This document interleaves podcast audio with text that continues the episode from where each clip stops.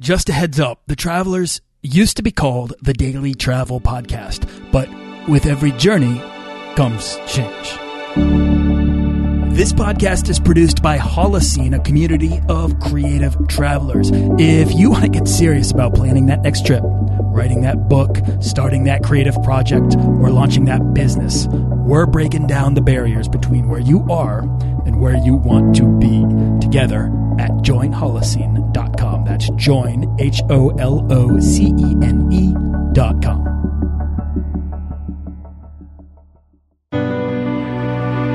This is episode 55 with Riskology's Tyler Tervooren.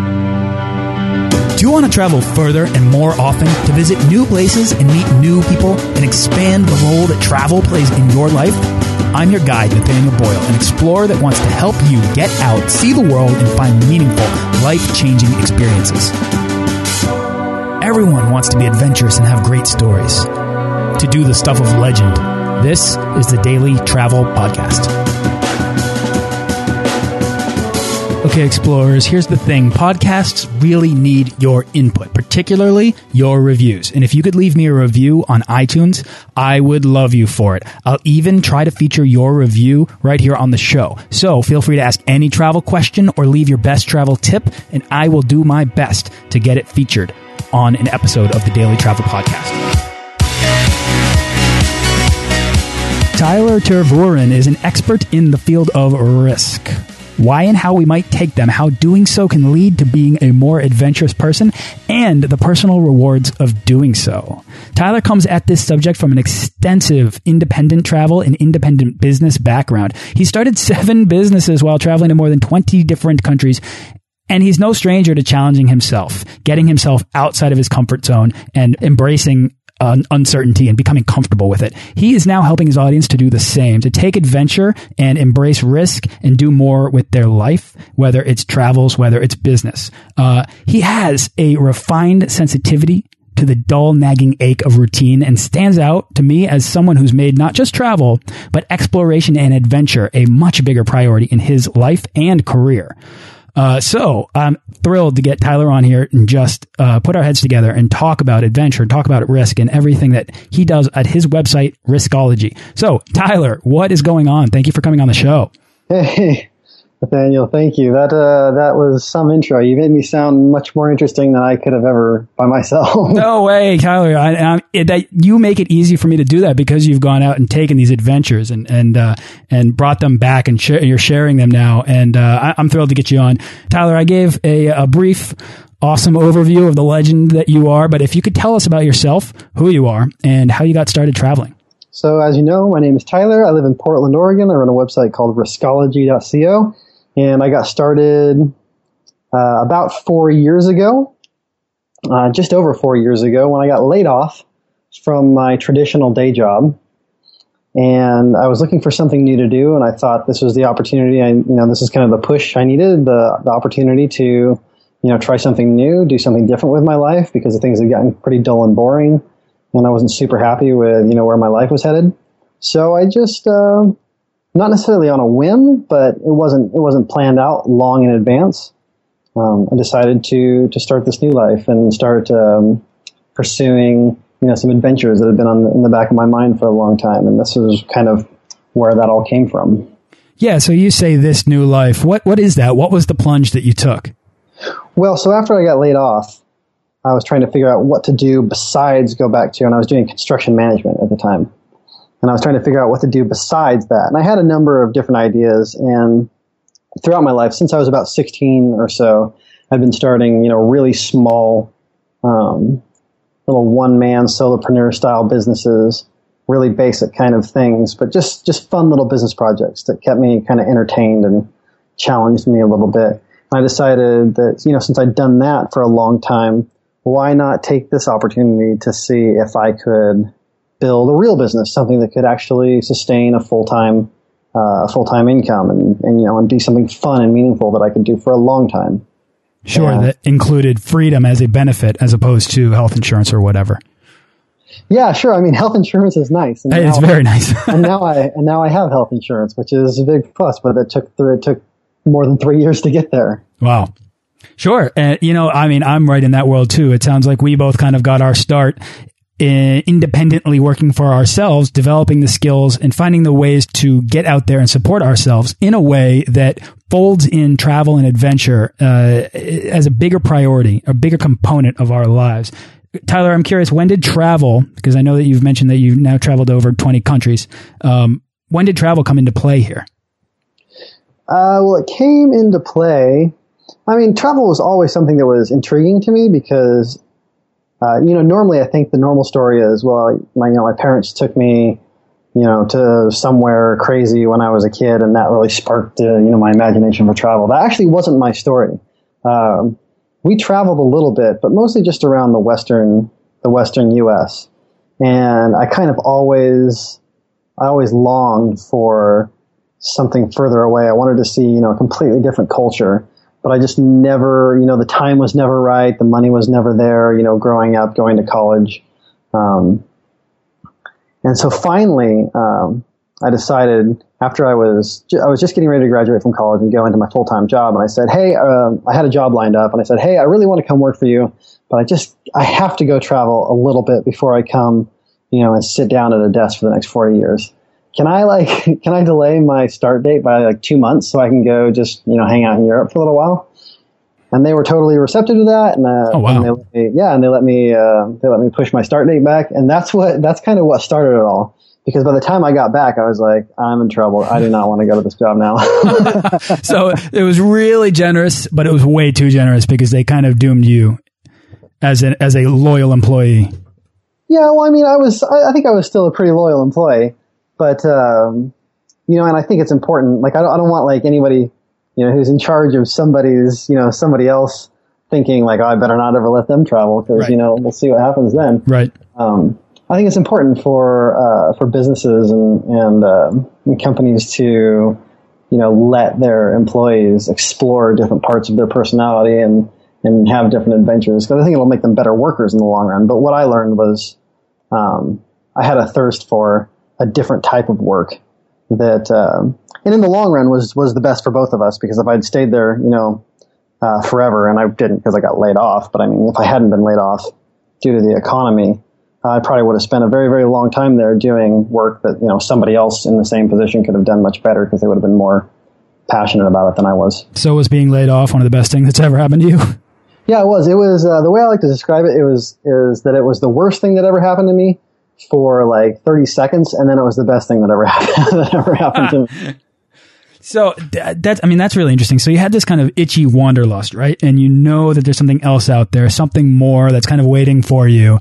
Uh, you travel around the U.S., but you don't really have that foreign uh, adventure. You haven't satisfied that curiosity enough for yourself.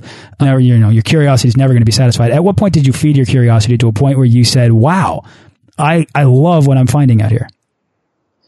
Yeah, I, well, it wasn't. It wasn't long after. Um, you know, I'd always, um, I'd always enjoyed running, and I'd always enjoyed mountain climbing, and so I was starting this. Uh, I was starting this new project. Um, you know, the blog Riskology, and trying to like preach a life of adventure uh, after having come back from, you know, this one that I'd just taken. And I was thinking, you know, I just went on this adventure, but I don't have any immediate plans for another one. And it, it, feels kind of disingenuous to like be preaching this if I'm not out there doing it as well. So I was trying to think of new ways to get out and go travel. And the thing for me is I don't, I love traveling, but I'm not the type of person that travels just for travel's sake. I think that that's great. Like there are people out there who, who are motivated just to go travel. And in some ways I'm, I'm kind of envious of that. Um, for me, it's not enough motivation for me to just say, "Oh, I want to go see this place." I, I, need something else to motivate me to like to get there. And so I decided to um, at one point to um, to run a marathon on every continent uh, because my friend uh, just after I was laid off, a friend of mine had invited me to run a marathon with him because I was bored and had nothing to do.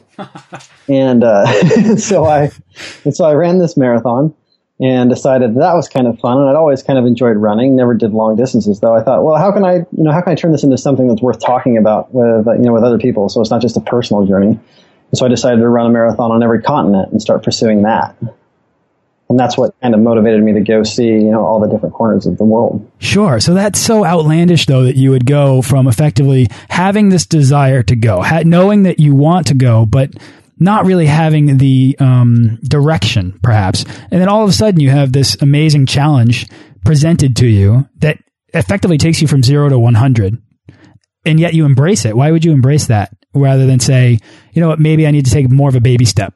I don't know. I think that's so fascinating that that decision right there. It's like I, I mean, I, it suggests to me, Tyler, that you uh, you really wanted this. You really wanted this opportunity uh, in some form, in whatever form that it finally came to you. That when it did, when it did present itself, you were willing to say yes to something so radical. Well, am I think, am I close? Yeah, I think that uh, I think that you mentioned baby steps, and I don't want to like laugh at baby steps. Baby steps are super important. Um, and you know, setting a goal, like anyone can say, I'm going to go run a marathon on every continent. Like literally anyone could just say that right now. Uh, would they actually do it? You know, some might, some would, and some wouldn't. Most would. Um, so for me, and the way that my brain works, like I need like there's something about a personal challenge, a personal goal that really drives me to uh, achieve it. I need something big to kind of like head towards. But you know, you can't run a marathon on every continent, or even run a marathon at all if you haven't before, without without taking baby steps, right? Like it didn't all just happen all at once. It took me, it took me just under four years to do all seven. And, uh, and so there were many baby steps along the way, learning how to run better, learning how to, you know, uh, manage all the different travel aspects, the training aspects, uh, in some cases, political aspects of going to these places and doing these things. There was, there was a huge learning process along the way. Um, there were all just little baby steps that got me, you know, but the big goal was kind of like the motivation to to figure out the the, the smaller hurdles. You know, without the big goal, I don't know if I'd have been as motivated to figure those things out. So there must have been a moment when all of these challenges, all of these adventures, all of these marathons that you were you were achieving, accomplishing, and you recognized that you wanted to turn this into what eventually would become riskology. Am I right? Mm -hmm. So, can you tell us about what exactly led to like I mean, we could talk about riskology, but I want to know how did riskology happen? Well, so when I made the goal to run on all seven continents, um, that was I had already started riskology, so that was kind of like my way of satisfying a personal, uh, you know, that need for a personal motivation, a personal, a big personal goal, uh, as well as keeping myself accountable to my audience to you know go out and have something worth writing about. But it came from, you know, that all came from, I think, a long, long, um, just curiosity, uh, my whole life for what makes people tick. You know, like I remember, I remember growing up and, you know, I would watch my dad catch a fish and, you know, my dad was really, really good at catching fish. And I would always wonder and, and you know, try to ask him, you know, what's the secret to, you know, to being really good at catching fish. And then I remember uh, when I was uh, I was wrestling in high school and college, and I wanted to learn all the different techniques of all the best um, you know of all the best wrestlers and watch how they perform and understand you know the way they think and how they train, and and then um, just understanding how people you know how people's different people's brain work brains work. Yeah. That um, that allow them, you know, to to do these these things that you find impressive. So I just wanted to understand it. And that's something that's been fascinating me my whole life. And I saw uh, riskology as a way of kind of furthering my own um, my own desire to you know be more adventurous. What you know, how does the brain work, and how can you take advantage of how your brain works in a way to lead a more adventurous life and take smarter risks and be happier. Um, it was just kind of an offshoot of all of that if that makes sense. Yeah, no, absolutely. So, I, I, actually, I want to ask you now. I mean, like, let's just dive into exactly what it is that you're covering. I mean, what does make people tick with regards to taking risks? I ask people all the time on this show about, you know, why do why do some people embrace travel as a uh, as a priority in life? Why do they heed that call to adventure that we kind of all hear in the back of our heads, or at least some of us here, uh, while others just kind of keep putting it off, saying, you know, it would be nice to travel someday, and I'll get there, and maybe they wait until retirement. Uh, that can lead to regret. And uh, obviously, there are some re huge rewards in taking risks. But what what does make people people take with regards to, to taking risks? Yeah. So, well, first of all, I think it's important to note that travel is like the easiest uh, connection you can make with adventure. Like when you think adventure, you usually think travel. Right. But um, but travel is actually just one of many many ways, and of an infinite number of ways that you can have adventure in your life. Right. There's there's lots of different ways to do it. You could you could simply you know trying out new hobbies and, or getting to know uh, new types of people or um, you know any of those any of those things anything that seems uncomfortable to you doing that and figuring out how to do it well is is quite an adventure and i think that when people start with small things you know even if travel is not on their radar i think they'd probably eventually come to that because that's kind of like the culmination of of taking these steps as you eventually get to a place where you're comfortable and you want to understand more than just your world you want to understand other people's worlds yeah, that's right. I don't know if I answered your question at all with that. I went down a little rabbit hole. Yeah, no, absolutely. Well, let's let's uh, step back then. Like, talk to me about risk and why it's called riskology, and why you're studying risk, and and why we're uh, why some people can step up to the plate and take risks with less hesitation, while other people uh, sort of allow risk to prevent them from making decisions. Yeah. So the first important thing to note is that um, and one thing that I think a lot of people who don't think about risk a lot is that, you know, every single day in everything that you do, you're taking a risk one way or another, right? Every action you take, every decision you make, um, is an op- has an opportunity cost. You do this at the cost of doing something else. So, so every day you're you're taking risks anyways, but you may or may not realize that you're doing it. And so many people, um, unfortunately, go through life taking, you know, these risks without even understanding them or even realizing that they're doing it. And as a result, maybe aren't as happy as they could be or don't, uh, don't have the outcomes in their life that they wish that they did.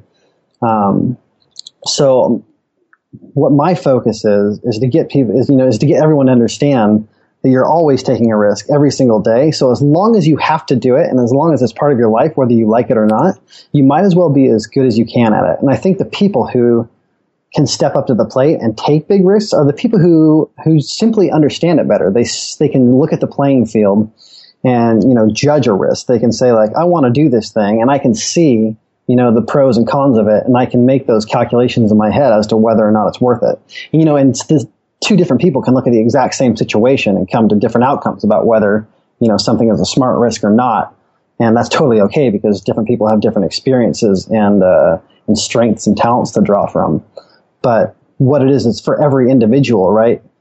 Understanding who you are, what you're good at, what your strengths and, and what your talents in, in life are, and being able to apply those to the things that, you know, seem important, but, uh, but maybe difficult to do.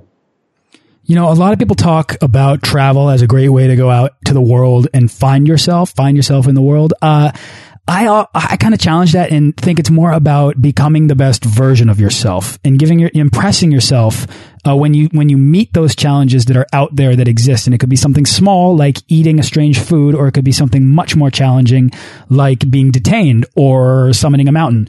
Um, it's just finding that that that to discover that feeling inside yourself that you know you can't go back to being the person you were before you left. Um, what do we stand to gain from taking risks? Well, that's exactly. I mean, I think you already. I think you already said it, right? Like when you uh, when you take a risk, whether you succeed or not, right? Like every if you look at if you look at taking risks, if you look at traveling and having a like let's let's take it back to travel, right? Like let's uh, um, as an example, you go on this trip, you're not sure how it's going to turn out, and you're worried that it might be a good time or a bad time. Um, whether or not you had a good time or a bad time, you improved your life in some way by learning a lot of things, you know, along the uh, along the way.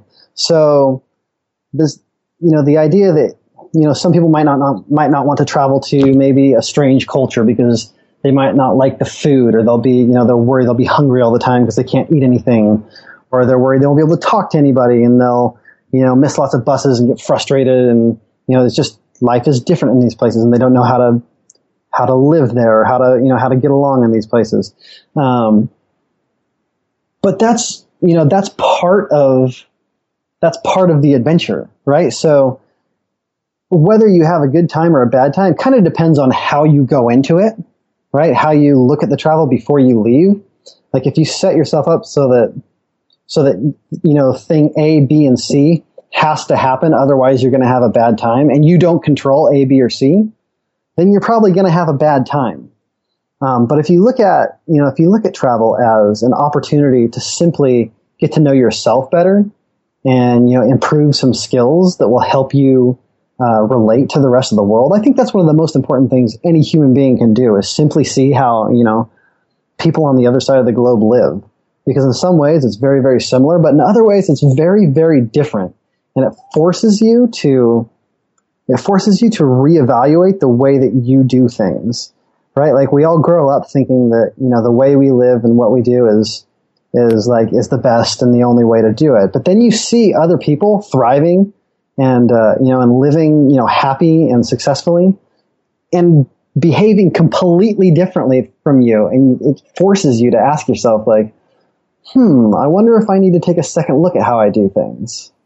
Absolutely. And I, I, feel the more you experience, the more informed you become, the better you return, able to make the decisions in your own life based on what makes other people happy, really. I mean, it's going to Bali and looking at the people of, of Bali who can't even afford to leave their own island and have communal uh, baths right off the side of the street. And yet these people are so happy and they're they're beautiful culture, maybe one of the the world's most beautiful cultures, and yet they have so little. And everything that we think we need in order to make ourselves happy, they don't have, and they don't need. And I think you can't help but come home and look at all your stuff or look at your decisions and make a change in yourself because it's already kind of happened.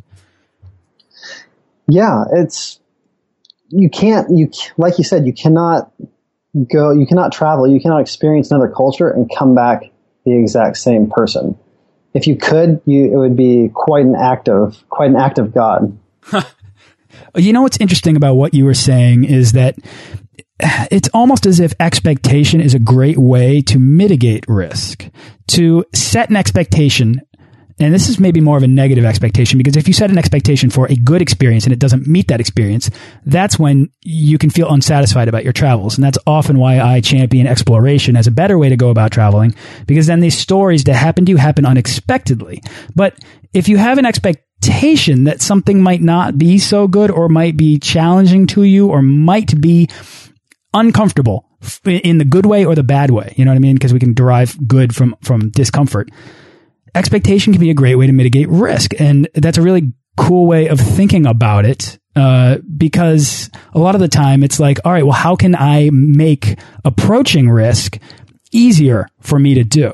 Just changing your mind changes the way that, you know, the outcomes of the things that you do. Like, because success or failure depends completely on how you define, you know, on how you define this thing that you're going to do, whether it's travel or, or whatever. Um, if you simply make your goal to, you know, learn something and become a better person because of what you learned, um, you'll find it's pretty difficult to fail no matter what you try. right. I mean, you see people that travel and they become more worldly. Um, Tyler, can we actually change our minds through repeated behaviors? I mean, not even talking about travel here. I mean, just in general with becoming more comfortable with risk. Yeah, that's exactly how you. That's exactly how you change your mind. Right? You you expose it to uh, to behaviors, right? Like just like habit building, right? Um, for example, just uh, learning to maybe exercise or eat healthy. Maybe you have preconceived notions about you know whether or not eating eating healthier will make you a better you know happier or feel better. Um, but just by exposing yourself to you know a limited test, like giving yourself forcing yourself for one week and one week only, you know, to eat a diet that, um, you know, is generally accepted as very, very healthy or something. That it's just an experiment in changing your behavior for a week. But if the, you know, but you also have all of these preconceived notions built up, and if they don't, if your if your reality afterwards doesn't match up with the preconceived notion you have, and it often doesn't, and this is especially true with travel, um, your mind begins to change. You you you don't have a choice, right? Like your brain does not like cognitive dissonance. So, and cognitive dissonance is meaning a difference between you know your actions and and how you think about you know your actions or think about yourself. And so, just by exposing yourself to new experiences and doing different things, you, you know, you're going to change the way that your brain thinks about those things, right? Because if you're doing this thing, uh, your your mind is going to want to square with the fact that you're doing it, and you don't want to think, "Well, I'm an idiot for doing this thing." So when you do it, you're going to force yourself to think, "Well, I'm smart for doing it." And so if you if you channel, you know, those behaviors into into things that are good for you, you know, traveling, eating healthy, exercising, you know, whatever it is, reading more, I don't know.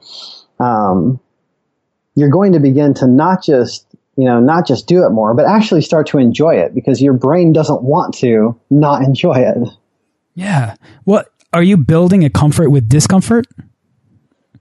I mean that's kind of the that's kind of the underlying principle of it all right is is my you know my whole thing is about stepping outside of your comfort zone because i mean you can never you can never be i mean you can be outside of your comfort zone but you can it's it's a it's an ongoing process you can do for your entire life because every time you step outside of your comfort zone it expands a little bit. And the and the huge benefit of that is that things that you know just by taking a step towards one thing well you might have five things that were out out of your comfort zone before but just by pursuing one of them you know just by making yourself familiar and comfortable with one of them you've actually, you know, you've actually expanded your, your circle of comfort. And all of a sudden, those four other things are also now within. And you have no problem going and doing those other things. I love it. And that hesitation to take that first step uh, prevents so many people from ever actually going out there, seeing the world, or even just doing something in their backyard that they stand to gain so much uh, from personally. Um, it's that it's that moment in Lord of the Rings uh, when Sam and uh, Frodo are leaving the Shire, and Sam says, "Every step I take from here on out will be the furthest I I step I've stepped away from home ever." Mm -hmm. You know, yeah. and and but yet he takes that step, and then he takes the next, and and after a while, it's no longer about that one that two steps. It becomes about that grand journey that they've been on the whole time. Yeah, but it has to start with that first step, right? Doesn't so, it?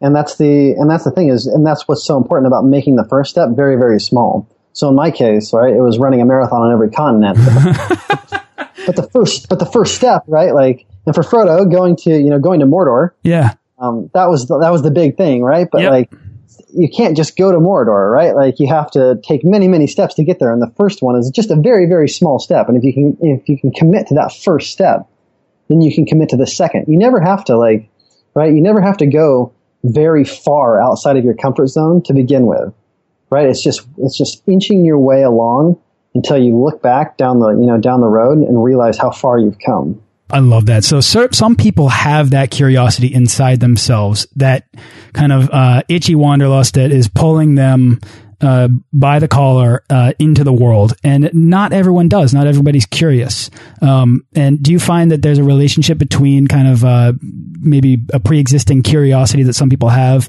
and their willingness to take a risk?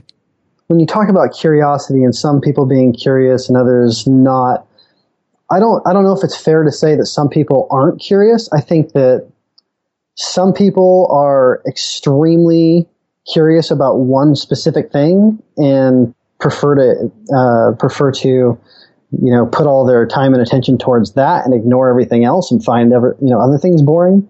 Some people like to have you know a cursory knowledge of everything. So that like and i think that sometimes that can come off as like a really curious personality and someone who's very adventurous. But the truth is is that you know that other person seems like they're not interested in lots of things actually probably are very, very interested in certain things. And for them, you know, for them, it's a matter of, it's a matter of exploring that thing that they are interested in, right? Like, I don't think to, you know, to become a healthier, happier, you know, more well-rounded person, you necessarily need to be curious about everything. I think it's a fine trait, a fine quality. But if you have something, you know, if you have a narrow field of interest, there's nothing wrong with uh, with focusing on that and trying to, you know, as long as you're trying to develop yourself, you know what I mean? As long as you're trying to go further than you did the day before, whatever direction you're headed, whether that's in a million different directions or, or one very narrow one, I think, you know, that, that's going to make you happier down the road is as long as you're doing something to, you know, to take yourself further today than you went yesterday. You know, I, I, love that. Tyler, I often talk a lot on this show about building explorers, helping people to kind of become explorers of the world. Um, and I don't want to be reductive at all, but it seems like you're helping people uh, build themselves into more interesting people. Does that make sense? And uh, to have, uh, you know, either a focused interest in, in one department or broaden broad interests across the spectrum, as long as they're uh, they're pursuing this growth and becoming more interesting. It seems like you're uh, you're supporting that journey because uh, I assume at the end there's a lot of fulfillment. Yeah, you know this this just reminded me of a conversation I had with a couple of people. I hosted a meetup here in Portland a few years ago, and we had this big discussion about you know exploration. And somebody uh, somebody in the group brought up the fact that like uh, explorers are great, but you know, they also like not, I mean, everyone can explore in one shape or form, but like the explorer is just as important as the farmer, right? So the explorer has no food or supplies to take on his exploration if the farmer is not also working very hard to, you know, better his job and learn how to be a better farmer and produce more crops. And like, so even though the farmer maybe is not like, you know, standing at the front of a ship with a sword out, you know, headed for Iceland or something. uh, yeah.